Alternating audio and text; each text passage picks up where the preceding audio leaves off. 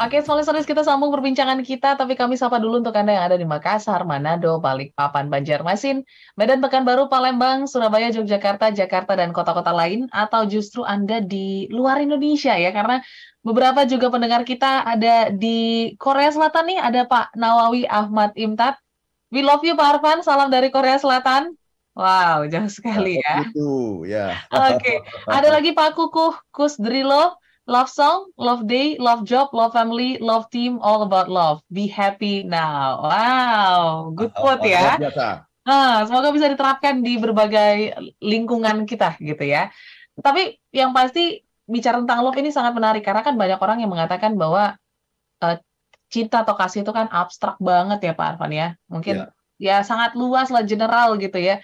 Tapi kita ingin mengkaitkan love ataupun uh, kasih ini dengan happiness seperti yang mungkin tertulis dalam buku Seven Laws of Happiness. So mungkin uh, apa ya kaitannya atau koneksinya dari love menjadi happiness tuh seperti apa? Mungkin Pak Arfan boleh bantu kita pahami ini. Silakan.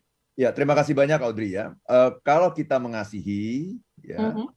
um, maka kita selalu dalam posisi yang bahagia, apa pun yang terjadi gitu. Oke. Okay.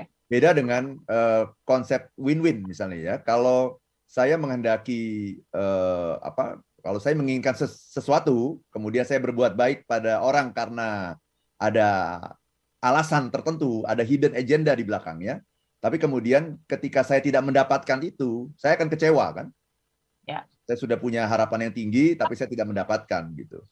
Jadi konsep uh, win-win itu sangat uh, rentan gitu terhadap kekecewaan gitu. Uh -huh.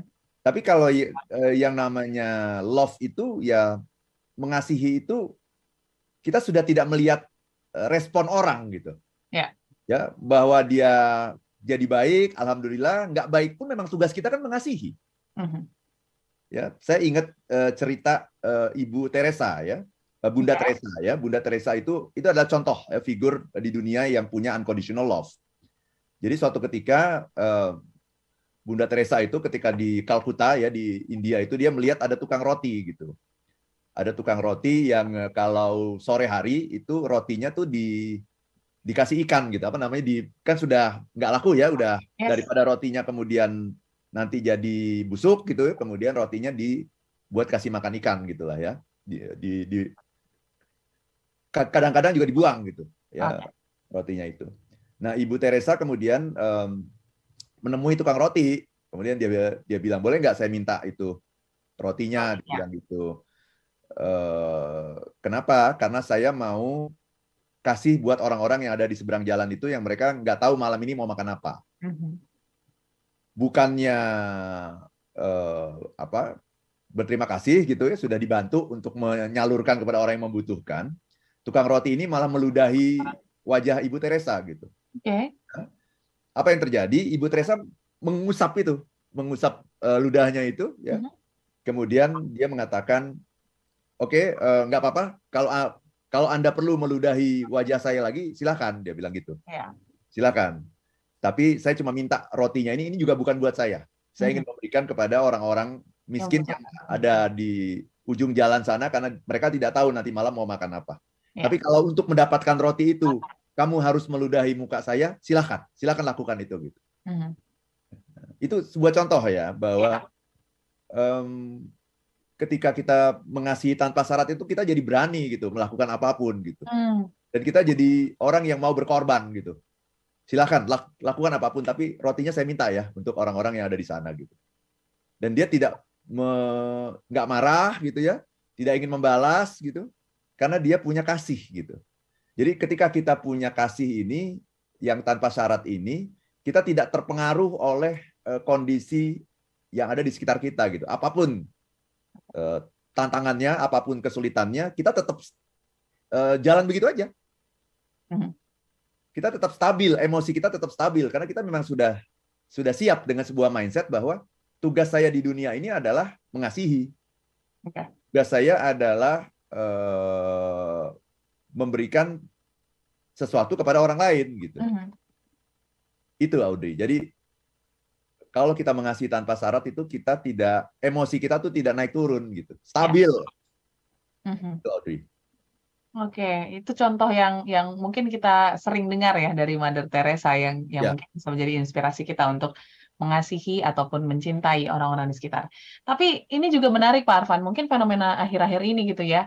Eh, mungkin orang ya sudah punya niatan untuk mencintai atau mengasihi tapi disalahgunakan nih ya, yang berujung jadi nggak bahagia gitu. Padahal kita rela nih memberikan semuanya, memberikan hal yang eh, mungkin orang-orang sukai, bahkan orang-orang eh, rasanya pe- pengen gitu dari kita.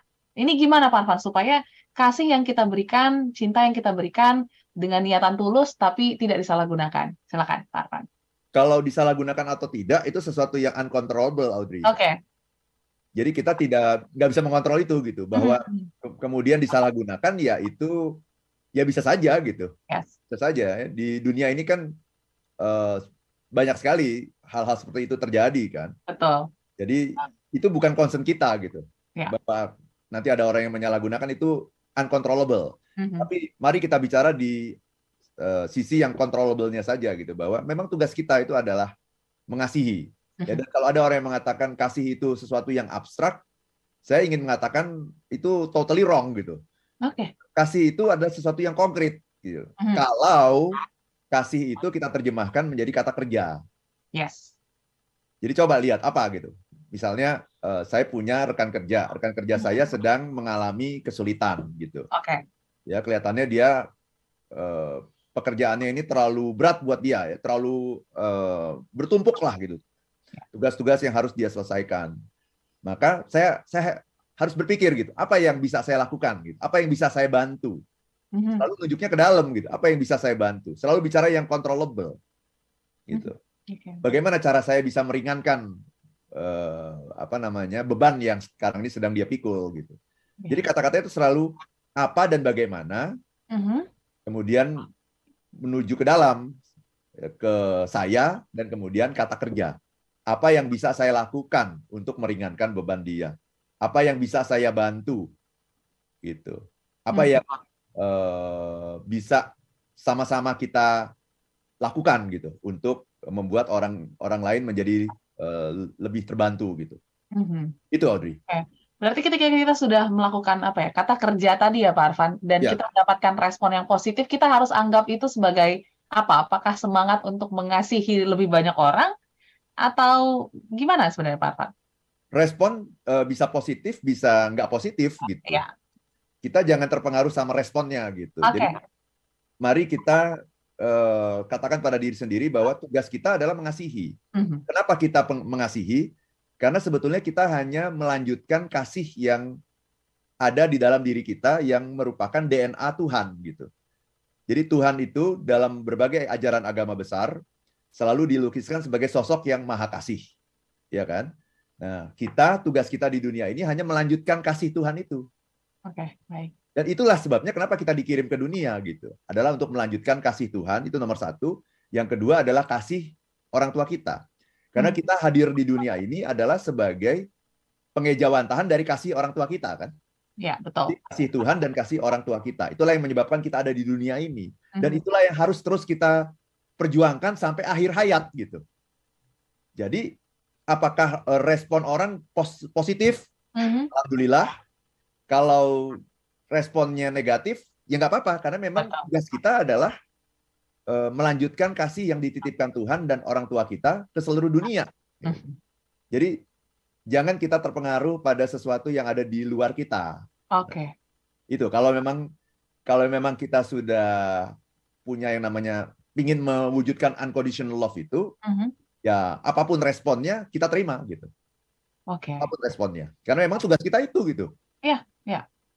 Betul, karena eh, sebagai manusia ya kita harus saling mengasihi gitu ya. Jadi tugasnya sampai dengan Anda melakukan kata kerja tersebut. Untuk responnya ya mungkin kita boleh apa ya, terima lah ya apa pun itu karena eh, tujuannya kan bukan mendapatkan respon tapi actionnya tadi ya, Pak Arfan ya. Betul.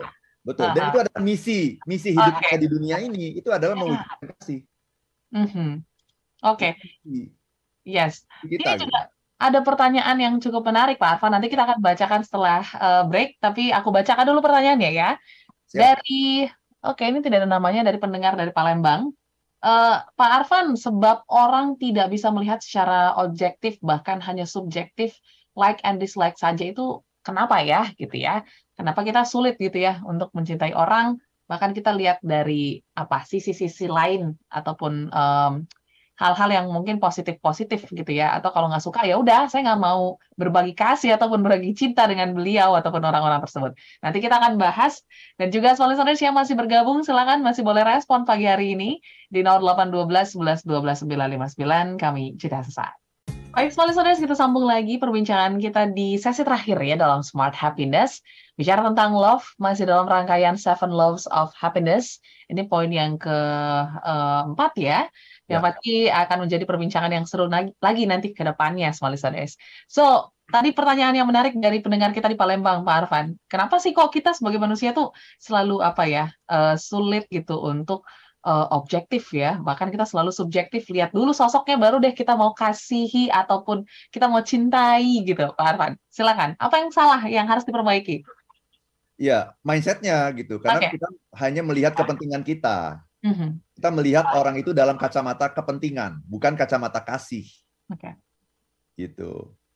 Ya kan kalau kacamata kepentingan kan kalau orang itu berguna bagi saya, saya akan baik.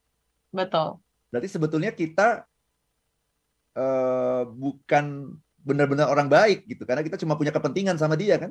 Iya. Benar nggak? Betul, betul. Kalau Audrey baik sama saya, saya baik sama Audrey, biasa dong. Mm-hmm. Apa jasa saya gitu istilahnya? Yang bagus adalah kalau orang nggak baik sama kita, tapi kita tetap baik. Karena kita karena kita orang baik. Oh. Karena kita orang baik.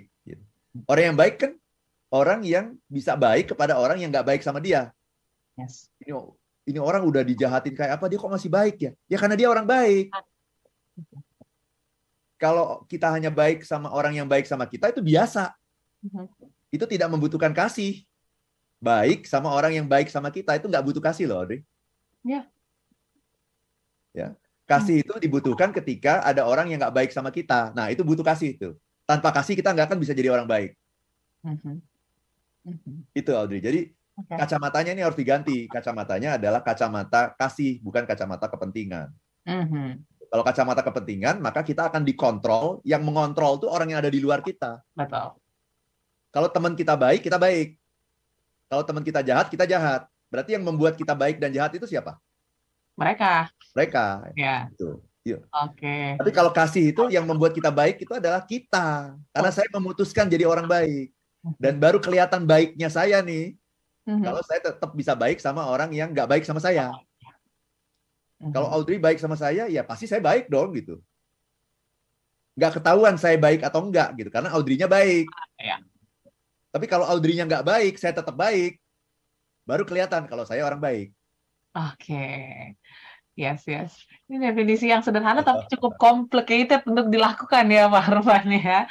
Uh, sederhana uh, uh. untuk dilakukan memang perlu perjuangan.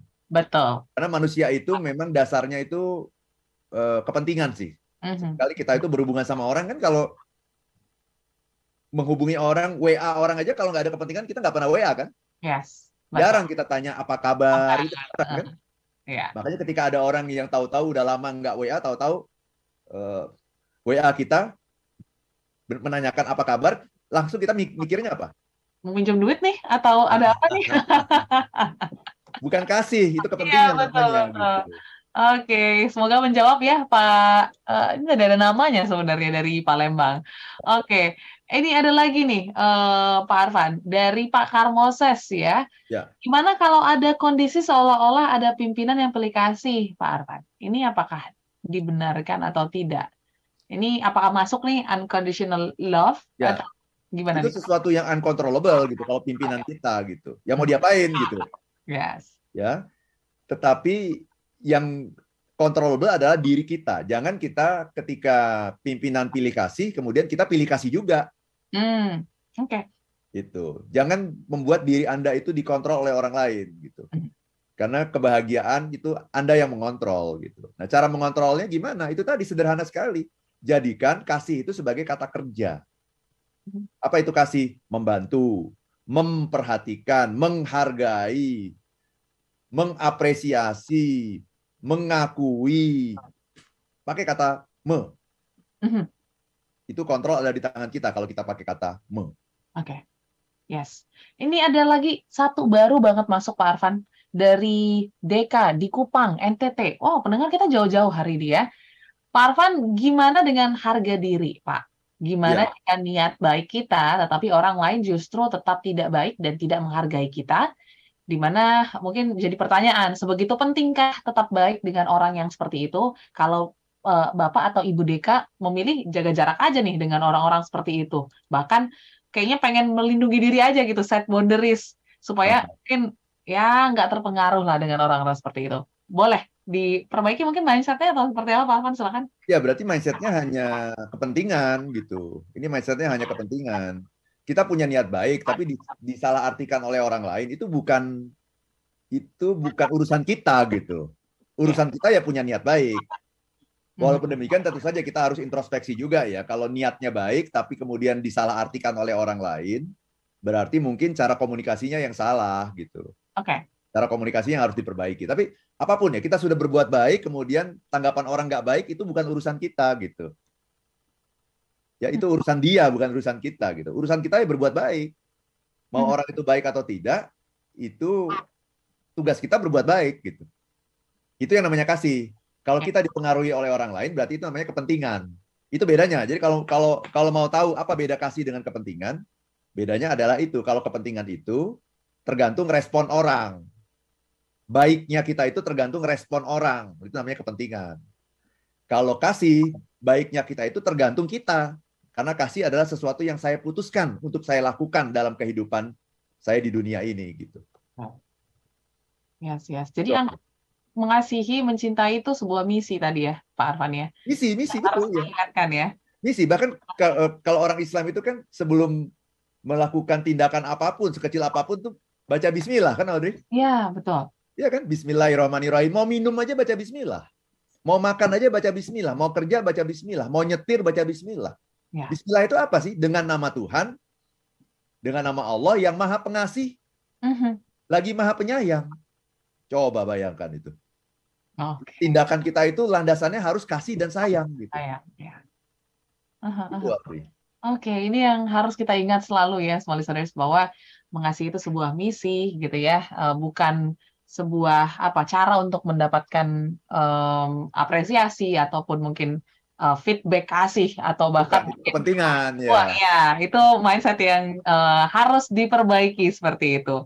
So mungkin untuk memperbaikinya supaya lebih benar juga dan bisa mengkonekkan ketujuh um, apa ya uh, laws of happiness ini, Pak Afan mungkin boleh share informasi tentang bukunya yang sudah oh, sampai yeah. Jerman nih, Pak Arfan.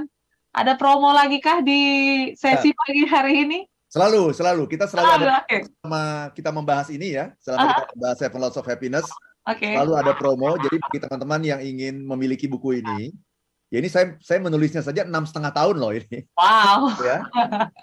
Dan ini mudah-mudahan bisa membantu teman-teman ya untuk menciptakan happiness at work. Ya, Anda bisa uh, langsung kunjungi Tokopedia garis miring Arvan Pra pakai V ya. Tokopedia Arvan Pra.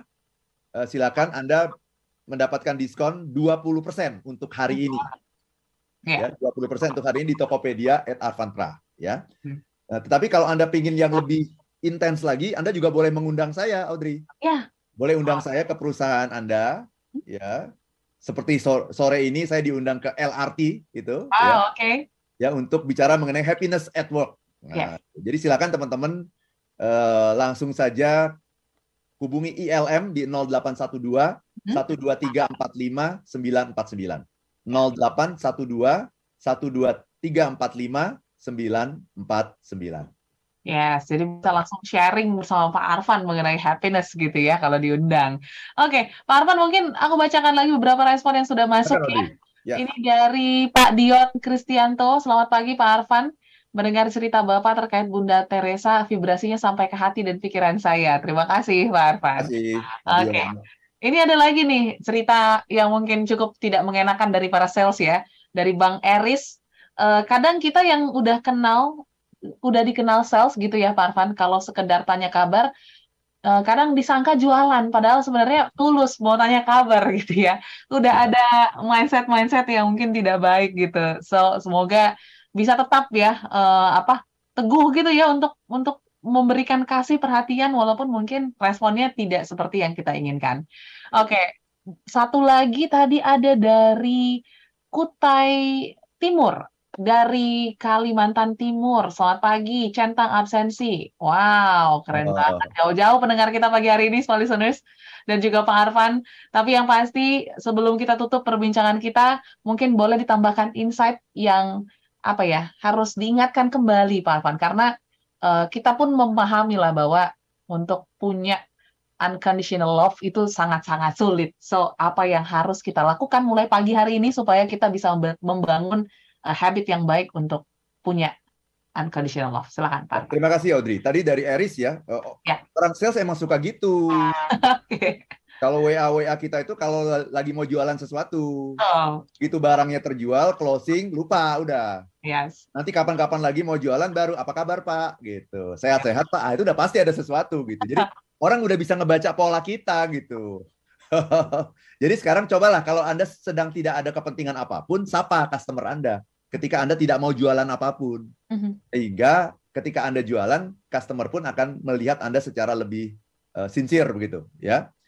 Nah, um, dari saya bagaimana caranya ini sebagai penutup ya untuk bisa mempunyai unconditional love, ya kita harus uh, praktekkan.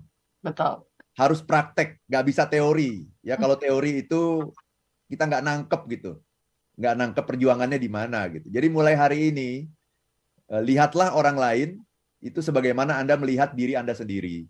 Gitu. Lihatlah orang lain sebagai melihat diri diri sendiri. Kemudian pastikan juga bahwa kalau orang lain bahagia, kita ikut bahagia enggak gitu. Gitu. Hmm. Kebahagiaan itu adalah ketika kebahagiaan orang lain itu penting bagi Anda. Cinta ya, sorry. Cinta itu adalah ketika kebahagiaan orang lain penting bagi Anda. Itu namanya cinta. Seringkali kita ketika orang lain bahagia kita malah malah nolongso gitu. Itu namanya iri hati gitu. Ya. Jadi mulailah dari hal-hal yang sederhana di orang-orang terdekat kita dan gunakan kata kerja, Audrey. Gunakan kata kerja, pakailah kata me untuk hal apa pun gitu. Sehingga cinta itu menjadi sesuatu yang ber, bisa dipertanggungjawabkan. Itulah cinta orang yang bertanggung jawab ketika dia menggunakan kata me, bukan menempatkan cinta dalam uh, apa namanya feeling, emosi, ya atau kata sifat. Gitu. Gunakan kata kerja, lakukan untuk orang terdekat Anda, dan nanti Anda akan tahu betapa besar perjuangan untuk bisa mencapai unconditional love itu. Tapi itulah yang namanya manusia. Kita ya. belajar dari apa yang terjadi pada diri kita sehari-hari. Hmm. Oke, okay, baik, Soleh Saudara. Semoga uh, insight ini bisa menjadi pembelajaran uh, untuk kita ya bahwa uh, ketika kita membagikan cinta ataupun membagikan kasih kepada orang-orang sekitar kita bukan untuk apresiasi, bukan untuk sebuah tujuan yang besar, tetapi ya itu adalah misi hidup kita sebagai manusia. So, terima kasih Pak Arfan. Semoga hari ini bisa memberikan cinta dan kasih untuk orang-orang sekitar. Begitu juga small listeners. Jangan lupa ya untuk berbagi kasih dan cinta pagi hari ini. Dan kalau bisa sih konsisten gitu ya. Unconditional love. Dan pasti kita ketemu lain, uh, minggu depan ya Pak Arfan ya. Yep, juga listeners. Uh, selamat melanjutkan aktivitas. Uh, kami pamit. Saya Audrey Joana. Dan saya Arfan Pradiansyah. If you want to be happy, be happy, be happy now. now. Sampai jumpa.